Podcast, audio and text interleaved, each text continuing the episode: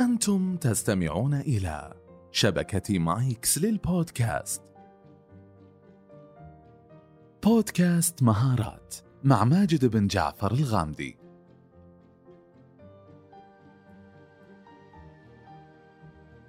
أصدر المنتدى الاقتصادي العالمي تقريرا عن وظائف المستقبل وذكر أهم عشر مهارات سوف تكون مطلوبة في سوق العمل في المستقبل. مهارتنا اليوم بنتكلم عنها واحدة من أهم عشر مهارات في المستقبل. يا ترى ما هي؟ مهارة المرونة. خلونا نتكلم عنها أكثر لأنه كذا عنوانها مرونة عادية لا فيها تفاصيل خطيرة وجميلة ورائعة ويحتاج نطور أنفسنا فيها أكثر وأكثر. خلونا نبدأ مع بعض.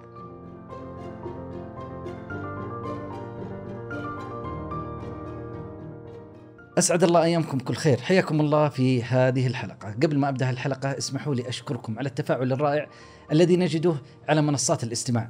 منصة أبل بودكاست التعليقات نقرأها وفريق الإعداد مشكورين يقرؤونها ويرصدونها وتحفزهم جميعا. فشكرا لكم وأيضا بعض الملاحظات يأخذونها بعين الاعتبار. كذلك تفاعلكم عبر حساب بودكاست مهارات على آه، تويتر. شكرا لكم على هذا التفاعل على التعليقات وبإذن الله تعالى نكون عند حسن الظن. أبغى أبدأ هذه الحلقة بسبعة أسئلة ثم إن شاء الله تعالى سوف أختم الحلقة بسبع خطوات كيف أكون أملك هذه المرونة. نتكلم عن المرونة بس كيف؟ إن شاء الله تعالى لدينا سبع خطوات. ولكن خلوني أبدأ الأسئلة السبعة كمقدمة لهذه الحلقة. تكرما وانت تستمع إلي حاول تجيب بنعم لا ربما بينك وبين نفسك ثم بعد ذلك نصل إلى نتيجة في مقدار المرونة لديك. السؤال الأول هل تمتلك الاستعداد لتعلم أشياء جديدة؟ نعم لا ربما. السؤال الثاني هل تتقبل التغيير بروح رياضية؟ السؤال الثالث هل كان سهلا عليك الانتقال في عملك أو دراستك أثناء جائحة كورونا والانتقال من بيئة مكانية حضورية إلى العمل أو الدراسة عن بعد من خلال المنزل أو مكان آخر؟ كان سهل؟ نعم لا ربما الله أعلم. السؤال الرابع هل ممكن تجرب تأكل طبق جديد لم يسبق لك أن تناولته قبل ذلك؟ لا لا أنا ما أحب الأطباق اللي دائما أكلها لو سمحتم ما أبغى أجرب هذا كذا. هل ممكن أنك تجرب طبق؟ نعم لا ربما. السؤال الخامس هل تستطيع تجربة أمور جديدة والتعامل مع أنماط مختلفة في بيئة العمل؟ غيروا حاجة في بيئة العمل، المكاتب، طريقتها، العمل الإداري، التسلسل، أكثر من حاجة. تستطيع إنك تتعامل معها بشكل سريع أو تأخذ وقت أطول. السؤال السادس هل تستطيع أن تتعلم رياضة جديدة بشكل سريع؟ السؤال السابع وهو زبدة جميع هذه الأسئلة هل تملك هل تملك مهارة المرونة؟ نعم لا ربما. كلما حصلت على إجابة نعم أكثر كلما كنت أقرب إلى المرونة كلما كنت تجيب بلا أكثر كلما كنت أبعد من المرونة كلما تكون بينهما في المنتصف ثلاثة أربعة خمسة أنت لديك قابلية عالية لتعلم المهارة المرونة لأنها أصلا موجودة لديك. دعونا نتحدث عن المرونة أكثر وأكثر. بس تذكر لماذا نتحدث عن المرونة؟ لأن الحياة قد تضيق عليك. فتواجه فيها بعض الصعوبات بعض ضغوطات العمل فقدان وظيفة صدمات عاطفية إصابة بمرض أزمات. الحياة لا تخلو من هذه التحديات. بس إيه، كيف نتعامل معها؟ البعض قد ينهار تماما أمام هذه التحديات وبعضهم يتقبلها ويعلم أنها جزء من الحياة. ممتاز وهذا هو الصح. وبعضهم يراها فرصة للتغيير من أنماط اعتاد عليها وإعادة الحياة بطريقة أخرى ويغير أولوياته. ولذلك نتساءل طيب ما هي المرونة؟ المرونة هي إنك كيف تتعامل مع جميع ما سبق بطريقة جيدة، ولذلك تعريف المرونة بكل بساطة القدرة على التكيف مع جميع الأحوال. أي أحوال مختلفة تقدر تتكيف معها. قد يكون الأمور المختلفة والمتغيرة رغباتك، الأمور المناخية، الأمور الفكرية السلوكية أو الموقع الجغرافي أو حتى الناحية الذوقية أو الناحية الطبيعية، أي شيء قاعد يتغير، كيف أنت تتعامل معه. ولذلك علماء النفس حاولوا هم اللي يدرسون موضوع المرونة ويعطون أيضا تعريفات ثانية. فكان أيضا من تعريفاتهم يقول لك التكيف مع المحن والصدمات والمآسي والمصائب والتهديدات والمشاكل الأسرية والصحية والضغوط المالية. كيف إنك تتكيف معها؟ إذا تكيف معها صح عليك لأنه هذا أصل الحياة. الله سبحانه وتعالى يقول ولقد خلقنا الإنسان في كبد. أصل الحياة ترى المشقة الكبد. ألف لام ميم. أحسب الناس أن يتركوا أن يقولوا آمنا وهم لا يفتنون. ترى الأصل أنه في فتنة في صعوبات في الحياة. هذا هو أصل الحياة. وطبيعي أنك تجدها في حياتك ولكن غير طبيعي أنك ما تتعامل معها بمرونة وتتقبلها وتعتبرها جزء من الحياة وتتجاوزها.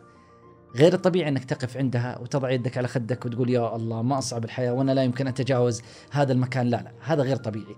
الطبيعي إنك تتجاوزها لأنها موجودة.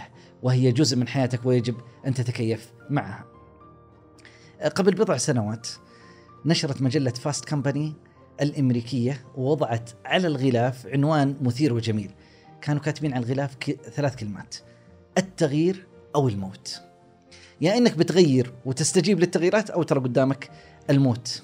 السؤال المركزي كان للمقال وملف المجلة هل يمكنك تغيير حياتك اذا إذا اضطررت إلى ذلك؟ والله بتضطر في بعض الأمور في بعض الشغلات يحتاج أن يكون الواحد جاهز للتغيير. أحد أبرز الأمور اللي تخلينا لازم نتغير ويكون عندنا مرونة عالية فيها التغيرات التقنية اللي قاعدين نشوفها والمهولة الرقمية والتكنولوجية اللي قاعدة تصير في حياتنا، أمور قاعدة تلغى ويأتي بدالها أمور تقنية، إذا الواحد يقول لا لا أنا أبغى الطريقة التقليدية لو سمحتم لا لا تغيرون، هو مو على كيفنا أصلا، الحياة هذه هي طبيعتها التغيير، ولكن الآن الذي اختلف هو التسارع. صار في تسارع خرافي في التغيير. يا دوب تنسجم مع حاجة طلع حاجة أكثر آه، جديدة آه، أكثر جدة منها. فلذلك لا تستطيع. يا دوب فتلقى الحياة متسارعة تحتاج إلى شخص عنده مرونة عالية. طيب هذه أمور الحياة والصدمات اللي فيها ويحتاج الواحد يتقبلها ويتجاوزها. سوف أخذ نموذج كيف الواحد يتجاوز صدمات الحياة. وهذه آه، جزء من كتاب نينسون مانديلا. شخصية جميلة ورائعة وعظيمة. آه، بعدين أصبح هو أول رئيس أسود في تاريخ دولة جنوب إفريقيا. ولكن قبلها ما الذي حدث؟ تم سجنه 27 عام. وأثناء السجن كان يصفه يعني بالنص التالي يقول يمكنني المشي في زنزانتي ثلاث خطوات فقط. وعندما أستلقي يمكن يمكنني تحسس الحائط بقدمي. ورأسي يلمس الخرسانة على الجانب الآخر. أنتم متخيلين ضيق الغرفة؟ فمع هذا الضيق الغرفة ومع السجن ولكن كان لديه مرونة عالية وتكيف عالي وهذا الشاهد في القصة. ولذلك يعني بدأ يتكيف معه ولا يفقد رغبته في الحياة وبدأ يفكر في أحلام كبيرة يستطيع أن ينجزها. ولكن نرجع للخلف. كان دائما يتدرب في الجانب الرياضي في حلبة ملاكمة ومكان واسع. الآن مكان ضيق ماذا سوف يفعل؟ بدأت المرونة عنده والتكيف بشكل جيد. فيقول عن نفسه أنه كان يستيقظ مبكرا كل يوم للتمرين. طيب التمرين وين؟ الغرفة صغيرة جدا. يعني إذا استلقى على يا دوب رجوله تلمس الحائط وراسه يلمس الحائط. ما في مكان للتمرين. ولكن كان يقول أنه يجري في نفس المكان لمدة 45 دقيقة. ثم يقوم بتمارين الضغط والبطن في هذه المساحة الضيقة وأصبح روتين من حياته للحفاظ على صحته النفسية طوال فترة بقائه في السجن.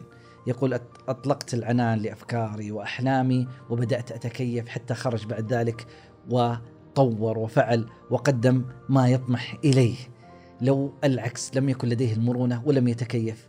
لمات نفسيا قبل أن يموت جسديا. ولذلك احرص على صحتك النفسية وأحد أهم أدواتها المرونة. أنتقل إلى السؤال الجوهري. كيف أتعلم مهارة المرونة؟ سبع خطوات تساعدنا على مرونة عالية في حياتنا. أول شيء جرب أمور جديدة في حياتك.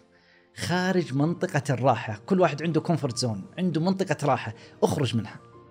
اخرج من منطقة الراحة وجرب شغلات جديدة في حياتك، مواقف متنوعة، آه، جربها تعلم عليها شوف كيف يصير سواء كان في دورك الوظيفي سواء كان في مهارات في ألعاب في أي حاجة جرب أنك آه، تذهب إلى مناطق جديدة و جرب نفسك كيف سوف تكون فيها. هذا سوف يعطي قدرة عقلية عندك هائلة على التعامل على كل ما هو جديد. ثانيا كيف أتعلم مهارة المرونة؟ القدرة على التعلم اجعلها عالية عندك جدا. الذين يمتلكون مهارة التكيف غالبا أنهم يستطيعوا يتعلموا مهارات بشكل سريع جدا، فعندهم مهارة التعلم سريعة، ولذلك إذا عدنا إلى قبل ثلاث أربع حلقات كنا نتعلم أو نذكر في عنوان الحلقة تعلم كيف تتعلم، وتحدثنا فيها عن المرونة. إنه إذا تبغى تتعلم يجب أن يكون عندك مرونة عالية. آه ممكن أتعلم هذا الشيء ممكن أفكر فيه. لأن بعضهم أصلا ما يبغى يفكر. وهذه مشكلة أخرى أنه يغلق حدود أفكاره عندما يعرفه فقط. لا لا أطلق حبل العنان لأفكارك لا توقف. فكر. افتح الافاق واسعة جدا. رقم ثلاثة عجبتني هذه المقولة وأنقلها لكم بالنص. يقول لأولئك المنظمين جدا أرخي الحبل قليلا. في ناس ما شاء الله عليهم منظمين في كل شيء. في وقته الساعة الفلانية. في مدري إيش مرة منظم في كل حاجة. المقولة تقول حتى يكون عندك مرونة أرخي الحبل قليلا. لا تصير يعني في شغلات فعلا لازم فيها النظام وشكرا لك وهذا هو الأصل. بس في أمور تراها عادية. أرخي الحبل قليلا. كنت قبل أيام مع أحد الزملاء وعلى شاطئ البحر والأطفال يلعبون. فعنده طفله على شاطئ البحر قاعد يلعب ويأخذ الرمل ويأتي على ملابسه. لا توسخ ملابسك لا تفعل كذا يا أخي شوف كيف. طيب هو ترى في لحظة نزهة وأمام البحر وبيرجع البحر عادي. لا لا هو عنده قالب ونظام يقول لا المفترض إنه ما يخرج من هذا القالب يحتاج مرونة. لأنك فترة نزهة هذا هو الأصل فيها إنك تكسر هذه القواعد اللي في المنزل وخلي عنده مرونة عالية. مرة ثانية هذه الشغلات الصغيرة ترى لها أثر أكثر في التفكير وطريقة التفكير والتعاطي مع هذه الأمور الصغيرة يقودك إلى أمور أكبر بإذن الله تعالى. رقم أربعة جدولة التجارب الجديدة. جدول التجارب الجديدة. كيف يعني جدولها؟ حط مثلا على سبيل المثال قول كل شهر سوف أتعلم مهارة جديدة، رياضة جديدة، أكلة جديدة، فعل جديد. عندك تجارب جديدة لا تبقى حياتك روتينية يعني لو سألتك السنة الماضية ما هي التجربة الجديدة التي قمت فيها آه والله ما أدري. في العمل كله عملي روتيني في البيت نفس الحياة الحمد لله. كل كل الأمور مستقرة كما هي حاجة جيدة ونحمد الله عليها. ولكن حتى تتعلم أكثر مهارة المرونة اكتسب تجربة جديدة. حاجة ما قد خضتها من قبل. حاول انك تجربها وتخوض غمارها وتعيش الدهشة فيها وتعيش لحظة حتى ما يمنع إخفاق لأنك قاعد تتعلم. فاثناء التعلم أحد قواعد التعلم المحاولة والخطأ حتى تصل إلى مرحلة التعلم. فجدول ناحية التجارب الجديدة. رقم خمسة. جرب الاختلاط مع مجموعات مختلفة عن فكرك. دائما تجلس مع نفس ربعك نفس اللي يفكرون نفس الآراء. لا اسمع آراء أخرى مختلفة. سوف تمنحك مرونة أول حاجة لتقبل آرائهم ما تصطدم معهم لأنه حاجة مغايرة لتفكيرك.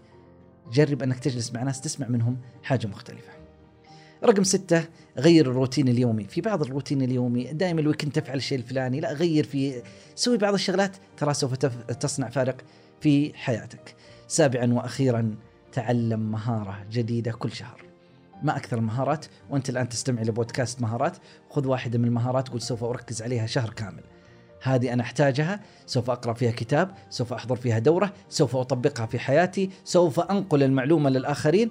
كذا أنت فعلا قاعد تتعلمها بعمق بإذن الله تعالى. والقاعدة في تعلم أي مهارة حول المعارف التي تتعلمها إلى منتجات تعلمها الآخرين. منتجات حولها دورة سير أنت تقدم الآخرين. منتجات ألف فيها كتاب. منتجات أن تقدم فيها أي شيء. تذكر القاعدة. تبغى تتعلم أي حاجة؟ القاعدة تقول أيضا قاعدة أخرى إذا أردت أن تتعلم فنا فعلمه. تبغى تتعلم أي حاجة؟ حاول إنك تعلم الآخرين فيها. لذلك سوف يدفعك إلى البحث فيها والقراءة والاطلاع حتى تستطيع أن تعلم الآخرين. أختم الله يعطيكم العافية بمقولة أيضا لنيلسون مانديلا يقول لا تحكم علي من نجاحاتي أحكم علي بعدد المرات التي سقطت فيها وقمت مرة أخرى. احرص أن تقوم دائما وتنشط وتتعلم واستمر في التجارب. فالكم التوفيق ونراكم على خير. لو عجبكم البودكاست لا تنسون تقيمونا على المنصة اللي تسمعونا منها. وأيضا تقدرون تتركوا لنا تعليقاتكم وردودكم في أبل بودكاست وأخيرا يسعدنا مشاركتك للحلقة للناس اللي حولك اللي تعتقد أنهم بيكونون مهتمين بمحتواها. نلقاكم في الحلقة الجاية بإذن الله.